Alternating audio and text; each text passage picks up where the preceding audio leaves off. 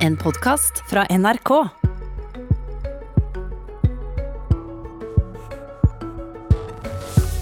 Hvordan skal Frp og Kristelig Folkeparti bli samde om kvoteflyktninger og alkoholavgifter?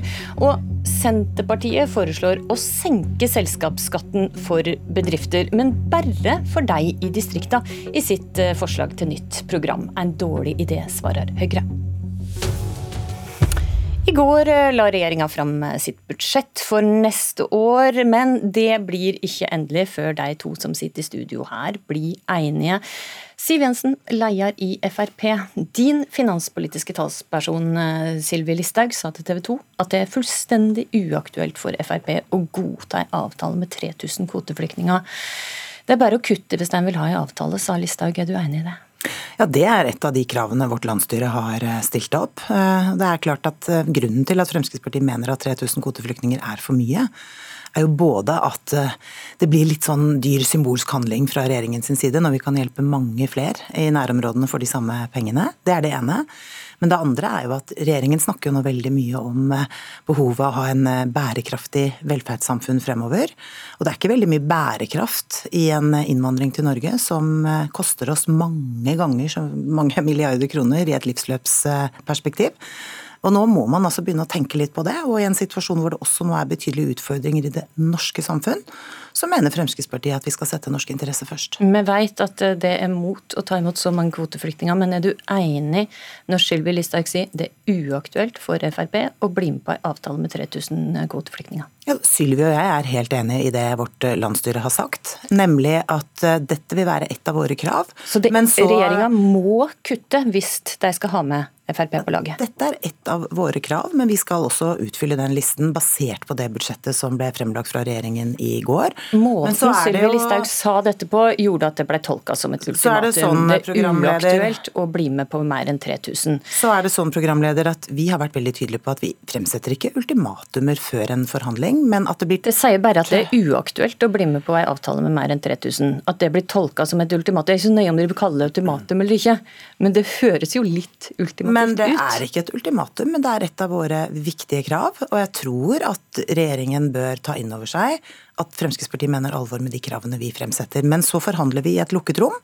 Og så er det jo eh, ja, summen av de gjennomslag vi måtte få i de forhandlingene, som kommer til å avgjøre om Fremskrittspartiet blir enig med regjeringspartiene, eller om vi ikke blir enig med dem. Det gikk ut i etterkant og presiserte da at dette ikke var et ultimatum. Og hvorfor er det så viktig for det å presisere at det kan forhandle sjøl om det blir 3000 kvoteflyktninger. Men dere konstruerer en konflikt som ikke er der. Vi har sagt det samme hele tiden. Dette er et av de viktige kravene fra Fremskrittspartiets landsstyre og vår stortingsgruppe, som vi kommer til å stå hardt på når vi setter oss ved forhandlingsbordet. Men det er like viktig for oss er... å diskutere bistandspolitikken og diskutere samferdselsbudsjettet og få gjort noe med bilrelaterte avgifter, få gjort noe med grensehandelen, eh, få styrke helsebudsjettet, og ikke minst sørge for at landets pensjonister får en håndsrekning i budsjettet. Kjell Ingolf Ropstad, leder i eh, KrF. Tar du det som et godt tegn at det likevel ikke var et ultimatum eh, at eh, Frp skulle ha 3000 kvote, altså gå ned fra 3000 kvoteflyktninger? Frp sin politikk er godt kjent, eh, og jeg har vært i forhandlinger med Siv Jensen eh, så mange ganger. Både sittet i den stolen hun sitter og forhandla når hun satt i regjering, men òg internt i regjering. Jeg vet at det blir noen krevende runder, men det er jo andre ting som jeg tror det blir veldig lett å bli enige om. Vi deler et stort engasjement du, for bedre eldreomsorg og bedre helse fylkesveier. Men når det gjelder kvoteflyktninger, så tror jeg at eh, det blir mer krevende. Og for meg så handler det om Har du noen kvoteflyktninger å gi, til, sånn at Frp kan bli mer fornøyd? Jeg tror Siv sier noe klokt, at vi forhandler ikke dette studiet. Det tar vi i andre rom men, men, jeg er veldig tydelig på at selv om det er krevende situasjon i Norge, og det er det dette budsjettet handler om, det handler om at vi må få flere folk i jobb.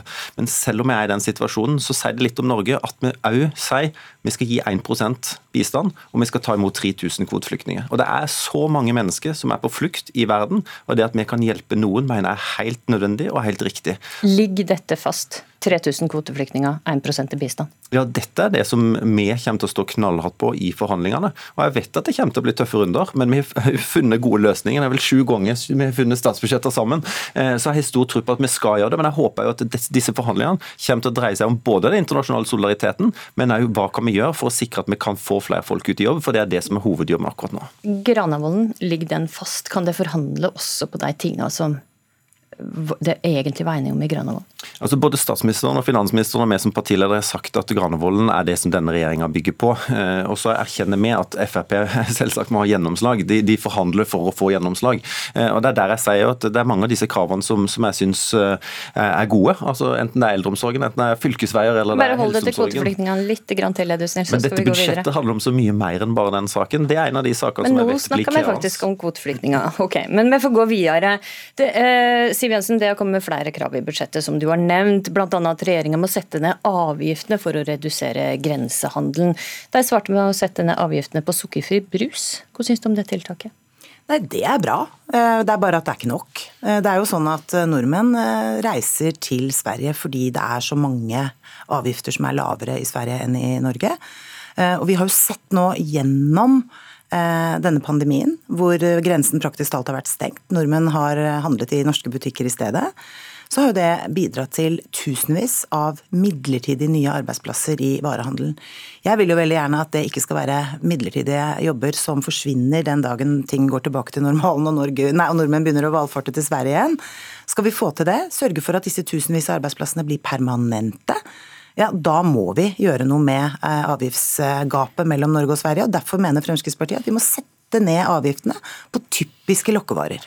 Tobakk og alkohol, hvor mye Det er ikke bare tobakk og alkohol. Det er sukker, det er sjokolade, det er uh, brus. Det er ganske mange ting. Det er emballasjeavgift. Hvor mye må avgiftene ned? Nei, De bør jo på sikt harmoniseres med Sverige. Spørsmålet er om vi klarer det i et ett års budsjett. Det gjenstår å se. Vi skal jo nå stille spørsmål til Finansdepartementet og få beregninger på dette. Men da må også de beregningene inneholde verdien av at tusenvis av flere mennesker nå jobber og betaler, altså som det blir arbeidsgiveravgift av, skatteinntekter av. Dette er jo inntekter som blir borte hvis disse jobbene forsvinner og vi fortsetter å grensehandle som før. Kan du være fornøyd med at det blir at alkohol- og tobakkavgiftene ligger fast, men de setter ned andre avgifter? Ja, nå forhandler vi heller ikke grensehandelsavgifter i NRK. Det skal vi gjøre i forhandlinger med regjeringspartiene, men vår ambisjon er veldig klar. Vi må få avgiftene ned på disse eh, varene sånn at eh, det blir mindre attraktivt å reise til Sverige og handle, og mer attraktivt å handle i norske butikker. Hva er konsekvensen hvis de setter ned avgiftene på alkohol og tobakk, eh, Ropstad? Altså, for meg er det to poeng. Det første er konsekvensen med alkohol og tobakk, reduserte avgifter på det. Frykter jeg at det blir økt forbruk, og vi vet at økt forbruk og tilgjengelighet det er noe av det som leder mest til økt misbruk. I Norge er det 90 000 barn som lider under foreldrenes alkoholmisbruk. Vi vet at kreft, eh, sykdommer knytta til tobakk, er noe av det største utfordringa som vi har hatt, og som heldigvis er på vei ned fordi at forbruket gjenger ned. Og Det er den ene bekymringa mi. Men det andre er jo at jeg deler jo bekymringa til Siv når det gjelder grensehandel, og at vi burde hatt arbeidsplassene i Norge. Men jeg tror det er litt for lettvint å bare tenke at vi setter ned avgifter noe, så vil dette stoppe. fordi én ting er alkohol, så er det tobakk, og så er det sukker, som man sier, men så er det jo landbruksvarer, som betyr at du må legge opp hele landbrukspolitikken, og distriktene vil bli ramma. Men til syvende og sist er det jo lønnsnivå eh, der vi eh, ligger høyere. Så jeg tror at nesten, nesten uansett hva vi gjør, jeg skal ikke si at noe, det ikke vil hjelpe, men, men det vil iallfall være en stor utopi å tro at vi bare klarer å få alle arbeidsplassene over. For det er mange grunner til at en velger å reise til Sverige eller til andre naboland. Okay, man har altså lykkes med dette i Danmark f.eks. Der har man gjort det og som dermed stoppet opp grensehandelen mot uh, Tyskland i forhold til hvordan den var. Det er klart at Den samme effekten vil jo Norge kunne ha mot Sverige. Men så mener jeg det er litt sånn drømmeland å si at eh, uh, dette utelukkende handler om forbruk og misbruk. For da, da lukker jo eh, du, Kjell Ingolf, øynene mot alle de som faktisk handler eh, alkohol og tobakk i Sverige. Eh, betyr det at så lenge ikke du ser det, så er ikke det et problem for deg? Ja, men Heldigvis er det jo ikke alle som bor i Halden. Eh, det er mange som ikke kan reise til Sverige og gjøre det hver eneste helg. Så, så jeg vet jo at effekten av høyere tobakksavgifter eller to, eh, alkoholavgifter, den er iallfall at vi skjermer noen av disse ungene. Så Derfor setter jeg deg først. Eh, og så mener jeg jo at det er faktisk sånn at når du ser på totalen, så tror jeg ikke du vil få bli kvitt grensehandelen hvis du setter ned alkoholavgiften noe. Så vi vil aldri klare å komme ned på det svenske. Fikk du siste ord, Kjell Ingolf Ropstad. Vi får ønske lykke til med forhandlingene forhandlingene som uten tvil blir eh, tøffe. Takk Kjell Ingolf Ropstad og Siv Jensen. Abonner på Politisk kvarter som podkast, og få sendingen rett til din mobil. Senterpartiet legger fram forslag til nytt partiprogram i dag. Det skal stake ut eh, politikken deres de neste fire åra. Og der går de inn for å redusere selskapsskatten til bedrifter, men bare til de bedriftene som ligger i distriktene. Marit Arnstad, leder i programkomiteen.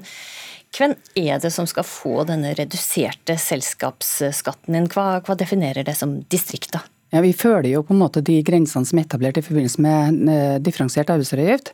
Sånn at det vil være eh, Nord-Norge og deler av fjellregionen i Sør-Norge, altså nord i Gudbrandsdalen, nord i Østerdalen. Og hvor mye mindre skatt skal bedrifter eh, her? Der vil vi sette ned eh, selskapsskatten med 1 eh, og dette er jo en del av et sett av tiltak som vi foreslår innenfor distriktspolitikken, ett av mange. Eh, men vi mener at dette kan bidra til å skape flere private arbeidsplasser og øke investeringsviljen i de områdene. Ja, hvordan eh, skal, Vil det da flytte bedriftene fra byene og ut i distriktene? Nei, med, du, du, du, flytter ikke en bedrift, men vi håper jo at flere skal ta sjansen både på å investere i distriktene og også etablere virksomhet i distriktene. Det er jo det som er viktig, for det må skapes flere private arbeidsplasser utover i norske distrikt. Og hvor skal du hente disse pengene fra? Når du skal gjøre det billigere for noen, så blir det dyrere for noen andre? Dette er et overkommelig tiltak eh, som ikke har en større kostnad enn f.eks. den formuesskattelettelsen som Høyre nå foreslår i budsjettet. Men hvem skal betale for at noen skal få det billigere? Hvem skal betale jo, for det? Altså, vi vil jo ha et samla skatte- og avgiftsopplegg som vil dekke, dekke inn det her. Eh, akkurat som Høyre da dekker inn sine formuesskattelettelser med hjelp av andre skatte- eller avgiftsendringer. Eh, men er det selskapet i byene som skal betale mer, eller er det alle skattebetalere som skal betale litt mer? Vi skal ha et samla skatte- og avgiftsopplegg som er rimelig og fornuftig, og som også da tar høyde for denne skattelettelsen. Så alle skal være med å betale litt for dette? Ja, altså Skatte- og, avgift, skatte og avgiftsopplegget er sånn at alle sammen i sum er med og bidrar på ulike måter.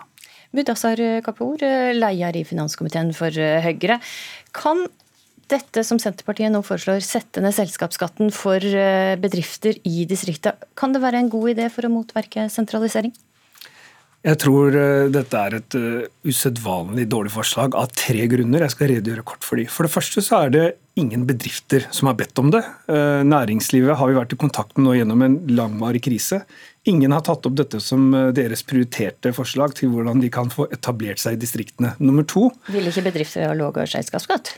Lavere selskapsskatt, ja. Men ikke differensiert. De ønsker lavere selskapsskatt i den form som regjeringen har sørget for. Vi har satt ned selskapsskatten fra 28 til 22% for alle.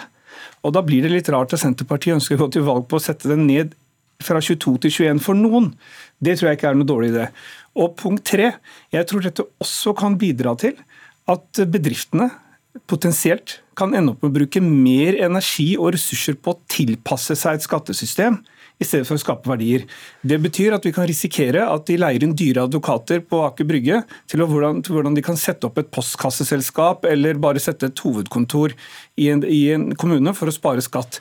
Og Hvis Marit Arnstad faktisk eh, ønsker at dette skal være et godt tiltak for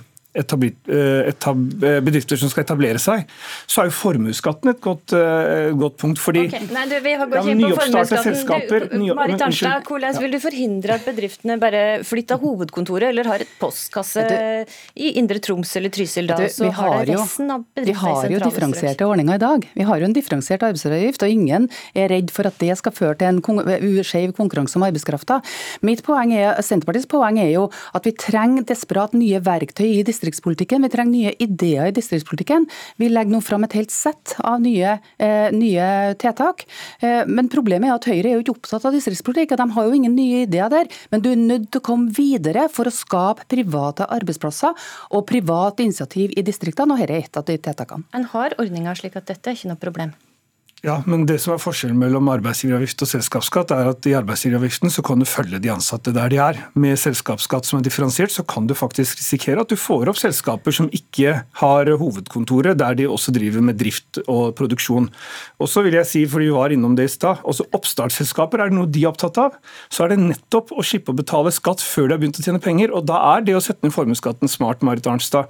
Jeg syns at man setter opp Men bare la meg fullføre. Men... Nei, fordi at vi bare, vi er faktisk i ferd med å avslutte. Dessverre, Mudassar Kapur. Senterpartiet det legger fram forslaget til eh, nytt partiprogram klokka ti i dag. Takk for at du kom til studio, Marit Arnstad, og takk også til deg, Mudassar Kapur. Politisk kvarter i dag, det var ved Astrid Randen.